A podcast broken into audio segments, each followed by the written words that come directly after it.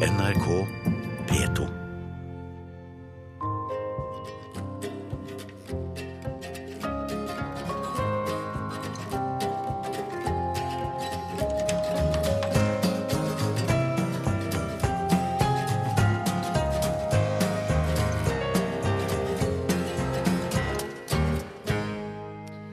Jeg heter Lene Vikander og er journalist, skribent og blogger på terapi.no når lykkepillen ikke duger. Jeg lever etter ett eneste motto, og det er at livet ikke er for pyser. I sommer i P2 i dag skal jeg snakke litt om livet, havet, døden og kjærligheten. På denne tiden i fjor så satte jeg inn en annonse i lokalavisen hjemme i Grimstad, der jeg kommer fra. Jeg hadde bursdag, og da vi leverte annonsen, bedyret de at den skulle komme på i sin helhet. Sånn ble det ikke. Originalteksten lød nemlig I dag er det 44 år siden overvektige og sjeløyde Lene Vikander ble født. Nå har hun vokst seg 180,5 cm lang og snart 90 kilo tung. Stolte foreldre Per og Liv på Fladen gratulerer. Det hele var selvfølgelig lekkert illustrert av et bilde av meg med en frukthatt på hodet med druer, bananer, epler og pærer. Men da annonsen kom på trykk, viste det seg selvfølgelig at de hadde sensurert bort det der med overvektig og sjeløyd. Skal man i avisa, må man enten være vellykket, kjendis, kriminell eller politiker. Eller aller helst alle deler. Men vi er ikke flaue for å stikke oss frem likevel, vi som har vært ekte yardis, som man kaller seg når man bor på Jamaica. Jeg har selv bodd på denne karibiske øya i mange år, og har lært mitt av sista Nancy. Så når noen spør meg hvor jeg tar det fra, sier jeg som henne. It's from creation. Og det var legendariske Sista Nancy, born and bred Kingstonian, med klassikeren Bam Bam. Bakgrunnen for annonseteksten min i lokalavisen i fjor var at jeg lenge har irritert meg over disse annonsene som nybakte foreldre setter inn i avisa når de har født. Dere vet de der. Lille Hilde kom til verden i dag. 3123 gram og 46 cm. Lars ble født i dag. 3400 gram og 49 cm. Hilsen stolte foreldre. Jeg skjønner jo at sånne gratisannonser gir liten plass til utførlig tekst. Men nettopp derfor så fatter jeg ikke hvorfor man velger å bruke den lille spalteplassen på nøyaktig oppmålt lengde og vekt. Og hvorfor i hule heite er foreldrene alltid stolte? Hva er de så stolte av? Kroppens evne til å reprodusere seg sjøl? At det nå endelig er bevist at de har samme evne til å formere seg som sjimpanser og brunsnegl? Hvorfor skriver de ikke lykkelige foreldre i stedet? Eller glade? Eller veldig letta foreldre? Ikke at jeg som frivillig barnløs vet noe om det, men jeg hører jo i hvert fall at en fødsel krever sin kvinne. Jeg irriterer meg også over at alle målbare enheter som opplyses i disse annonsene, alltid er innenfor normalen av hva man anser for et sunt, friskt og altså vellykket barn. Jeg ser nemlig ingen annonser om sterkt overvektige Tore på 6500 gram. Jeg ser heller ikke jublende billedtekster om lille Ole med skjevt bakhode. Eller den uskjønne babyen Kari som ligner sitt eget ultralydbilde på en prikk. Eller Nurke Tone, som er så sjeløyd at alt hun nå mangler, er surround sound for å bli sitt eget entertainment center. Disse tallene handler om foreldre og samfunnets forventninger til hvordan barnet skal passe inn i livet. Og i livet gjør du det altså tilsynelatende best ved å være normal og konkurransedyktig. I hvert fall ifølge avisannonsene. Jeg husker at jeg ganske tidlig begynte å skjønne at normal var et veldig relativt begrep. Omgitt av lærere med lilla skjerf, visesangere og teaterfolk, som jeg var i tidlig tenårene i Grimstad, så ble jeg også tidlig introdusert for Miriam Makeba fra Sør-Afrika. Hun var ikke bare unormalt brun, hun snakka også et språk med klikkelyder som var så langt fra normalen at de hvite kolonistene ikke klarte å skjønne at det var et språk engang. Da vi skrev bursdagsannonsen min i fjor, så vurderte vi lenge om vi også skulle ha med vår lille prinsesse. Overraskende mange nyfødte er jo av kongelig byrd, og presenteres i avisen og på Facebook som prinser og prinsesser. Å være vellykket velskapt er altså ofte ikke nok i seg selv. Man bør helst være kongelig i tillegg. Og er de ikke kongelige, så er de verdens søteste, verdens nydeligste og verdens beste. Ikke før de arme små har skvist seg ut av fødselskanalen med livet som innsats, skal de altså belemres med konkurransejaget og hierarkiet de fleste av oss som har vært født en stund, måler seg selv og andre etter i livets olympiske leker. Talemåter er resultat av måten vi tenker på. Kulturen viser seg i språket. Språket er kultur. Veiet, målt og ferdig gradert presenteres våre nye medmennesker for verden med forventningen om å konkurrere på toppen. Det er jo ingen som annonserer hva lille Hilde og Lars veier når de blir gamle og dør.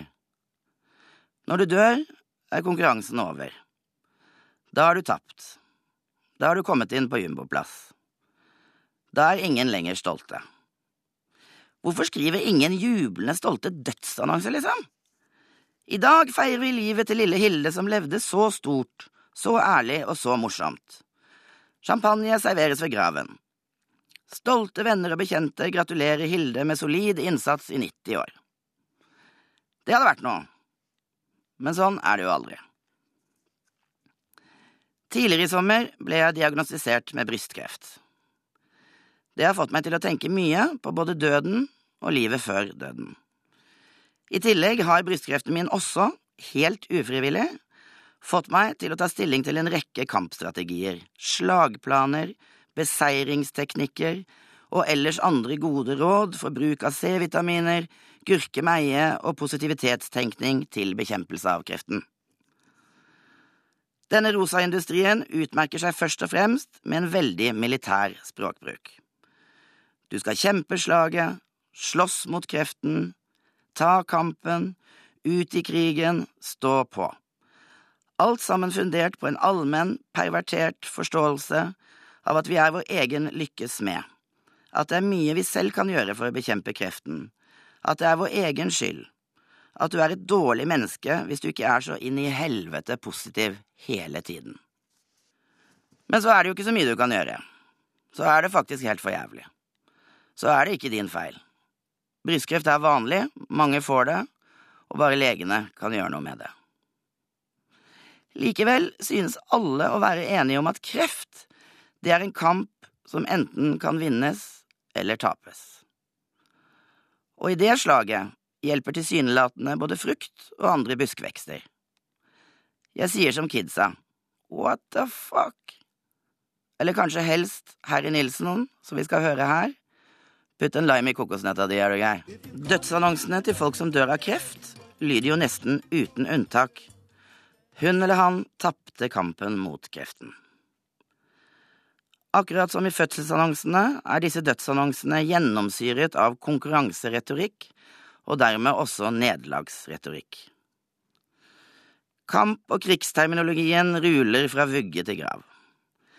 Verdens beste prinsesse skal gjøre foreldrene stolte, et helt liv på toppen av verden, i krig mot nederlaget, helt til hun til slutt taper det endelige slaget mot døden. Puh.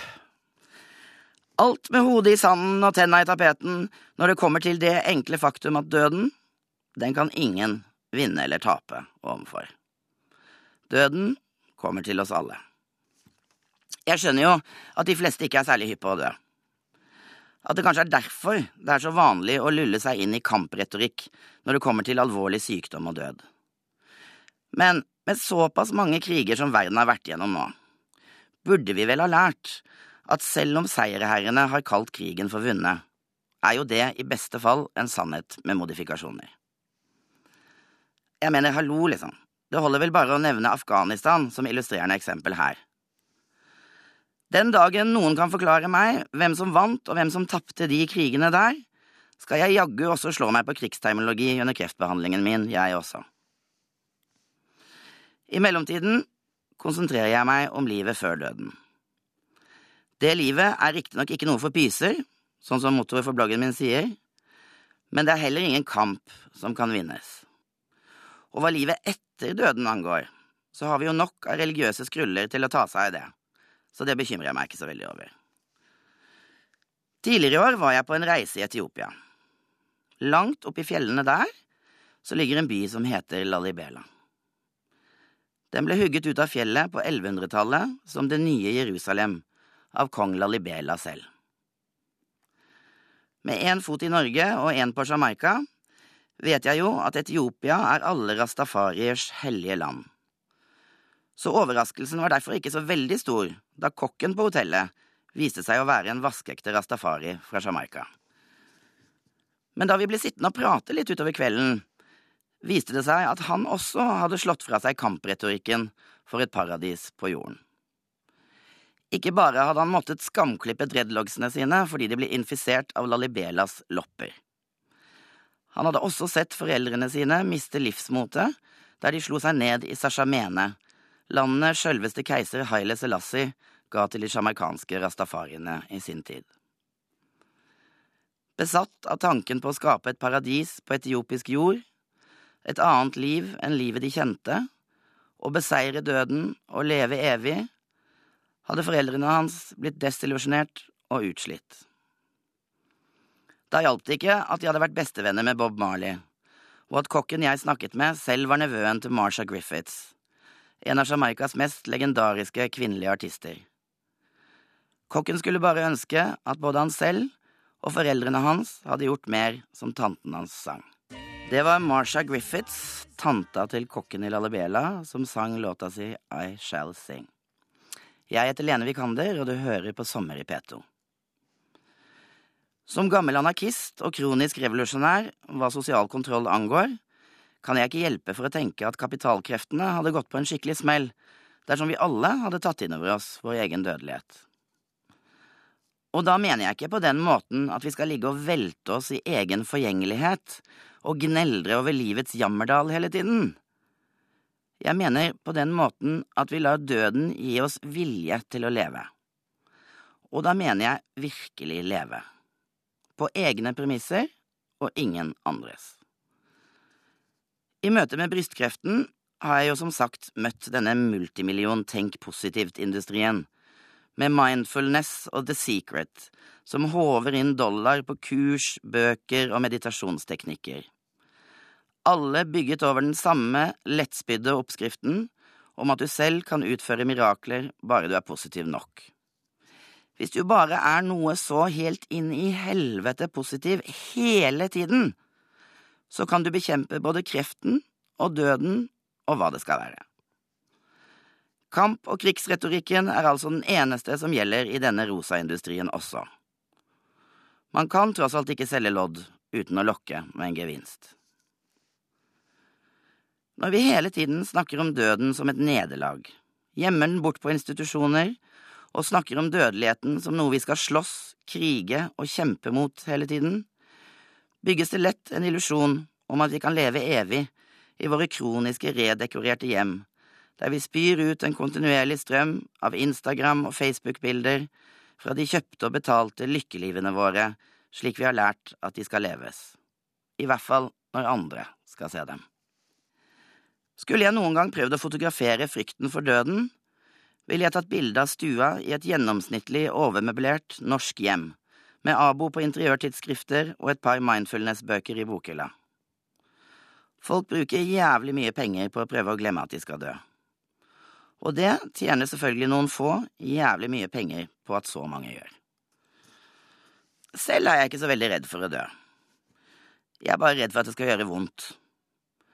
At det skal føles som å kveles sånn sakte eller noe sånt. Og så er jeg livredd for ikke å rekke å leve nok før det skjer. Min yngste søster døde i selvmord da hun var bare 18 år.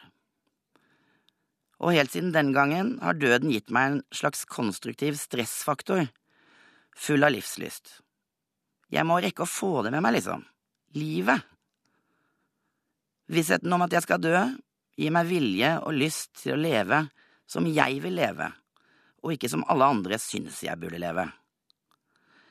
Døden gir meg baller til å gi mer faen, rett og slett og det inkluderer å gi faen i å kjøpe rosa kreftkampkurs og bøker, redesigne redet mitt hver sesong i takt med nye trender, og ellers kjempe og slåss som en elg i dyp snø for å bli akseptert av de levende til enhver tid. Og det beste av alt er at det ikke koster så mange dollar heller. Det var salige Andrew Sisters med rum and Coca-Cola. Men tilbake til disse fødsels- og dødsannonsene. Disse små notisene vil vise verden når livets to største begivenheter skal formidles. Når verdens beste prinser og prinsesser ser dagens lys og taper kampen når lyset slukkes til slutt. Jeg liker i grunnen at spalteplassen man får til rådighet, er så knapp. Som medlem av Twitter-generasjonen vet jeg jo å verdsette det å måtte begrense ordene.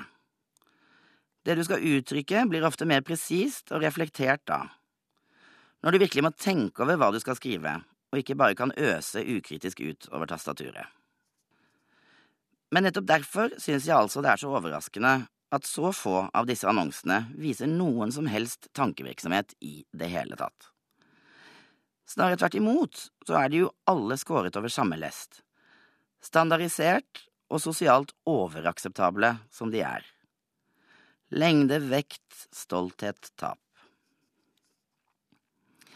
Jeg syns folk burde gjøre seg litt mer umake, og ikke slå inn på autopilot så fort fødsel, sykdom og død blir aktuelle tema.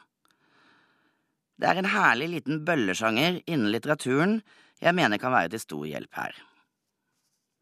Flash fiction er en sjanger som kjennetegnes ved sin ekstreme knapphet på ord.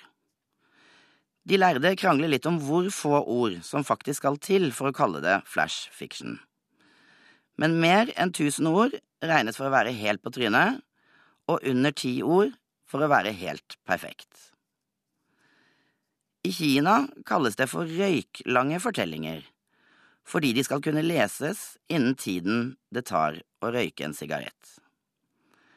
Andre kjælenavn på denne sjangeren er mikrohistorier, postkortfiksjon og plutselig fiksjon. I den arabiske verden er nobelprisvinneren i litteratur, egyptiske Nagib Mahfouz, en av de fremste eksponentene for flash fiction. Han fikk sin nobelpris som første arabiskspråklige forfatter i 1988 men flash fiction begynte han først med etter møtet med sin egen dødelighet i 1994. Da ble han knivstukket i nakken av en islamist fordi han hadde portrettert Gud i en av sine romaner. I etterkant av denne episoden fikk Mafos psykiske helseproblemer. Hukommelsen hans sviktet, og han mistet bevegeligheten i hendene. Som en følge av det ble han en mester av flash fiction og skrev noe av sin aller mest enestående litteratur i årene før sin død i 2006.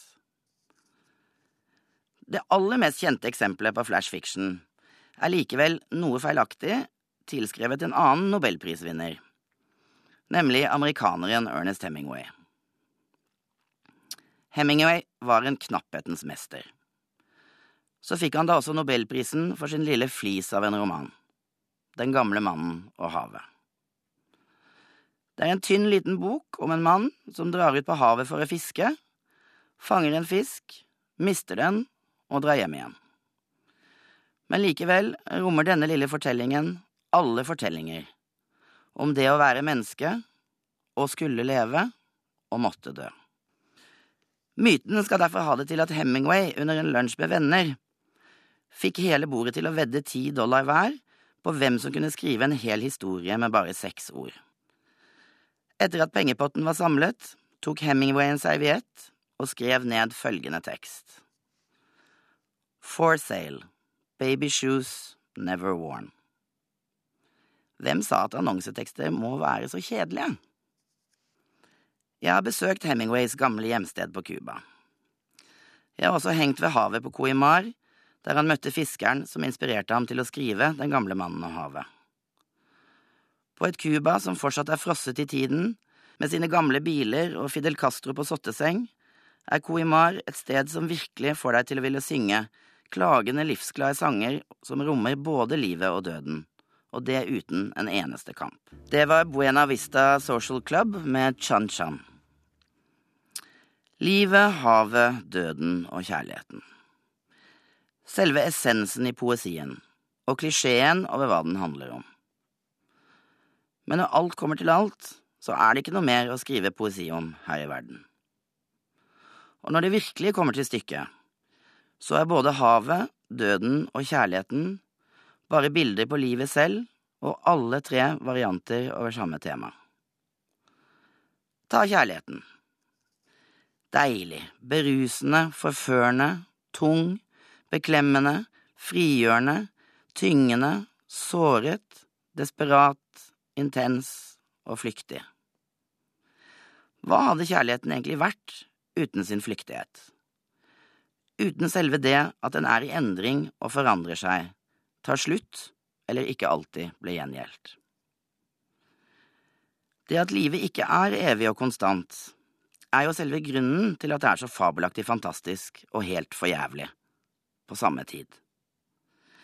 Jeg er så drittlei av enten–eller. Svart og hvitt, krig og fred, seier og nederlag, liv og død. Jeg er lei av det fordi det bare er løgner. Det er ikke sant. Livet er ikke enten–eller, men både og. Akkurat som kjærligheten. Enten den varer i mange år, eller bare er et flyktig kyss før du skal videre. Som det fabelaktige sørafrikanske mannskoret Ladysmith Black Mambazo synger om her. Deal with it, liksom. Jeg satt på trikken i Oslo tidligere nå i juni. Jeg var på vei hjem til gamlebyen Gravlund, der jeg bor når jeg er i Oslo. Jeg hadde vært på kreftsenteret til Ullevål sykehus for enda en sjekk før jeg skulle opereres. I veska så hadde jeg en mappe med masse papirer, med oversikt over forskjellige aktuelle cellegiftbehandlinger og stråling. Jeg hadde akkurat funnet ut at 18-trikken går i ekspressrute mellom Gravlunden og Ullevål kreftsenter, og at det sparte meg for masse tid og tusenvis av kroner i taxiutgifter det neste året. Det var jeg veldig fornøyd med. For som frilansskribent med allergi mot fast ansettelse og sosial kontorkontroll, og i tillegg full brennhast med å leve før man dør, så tjener man ikke så veldig mye penger. På setet overfor meg satt to gamle damer. Og jeg mener skikkelig gamle damer. Hvitt permanenthår, stokk, fornuftige spasersko, dere skjønner. De diskuterte billettsystemet på NSB kontra Oslo Sporveier og sa sånne ting som en av disse kvinnelige konduktørene, vet du. De sa det på en måte som tydelig fortalte at de faktisk var så seriøst skikkelig gamle damer at kvinnelige konduktører fortsatt fortonte seg som noe nytt og uvant for dem. Kanskje er det noe i det som sies, at livet leves til du er sånn ca. 14 år, og at alt etterpå bare er gjentagelser. Uansett så var det noe med overgangsbilletten de to damene ikke hadde fått til. Etter en del diskusjon frem og tilbake, der en digresjon lenge penset dem inn på bekjempelsen av brunsnegl, kom hun ene på at hun faktisk hadde hele to blankobilletter i vesken, og tilbød seg å selge den ene til venninnen. Oi, ja, det står jo barnebillett på dem, da, sa hun når hun tok dem opp. Men det blir jo det samme. Det er jo samme pris for honnør. Ja da, svarte hun andre sylskarpt. Ifølge Oslo Sporveier blir vi jo som barn igjen. Det var liksom ingen tvil om at de to damene foretrakk NSB på tross av at de var litt uvant med kvinnelige konduktører. Akkurat da kom vi frem til stoppet mitt på Gravlunden. Jeg husker at jeg lo høyt hele spaserturen hjem mellom gravstøttene. Jeg elsker sylskarpe gamle damer som ikke lar seg pille på nesa av systemet. Jeg håper jeg blir en sånn sylskarp dame selv før Stilla kommer. For Stilla, den kommer til oss alle, uansett hva vi gjør. Derfor sier jeg takk for meg med låta jeg siterte på tittelbladet til min Jamaica-roman Salt. Derfor sier jeg takk for meg med låta jeg siterte på tittelbladet til min Jamaica-roman Salt. Willie Nelson og Toots Hibbert sin countryreggae-klassiker Still Is Still Moving To Me.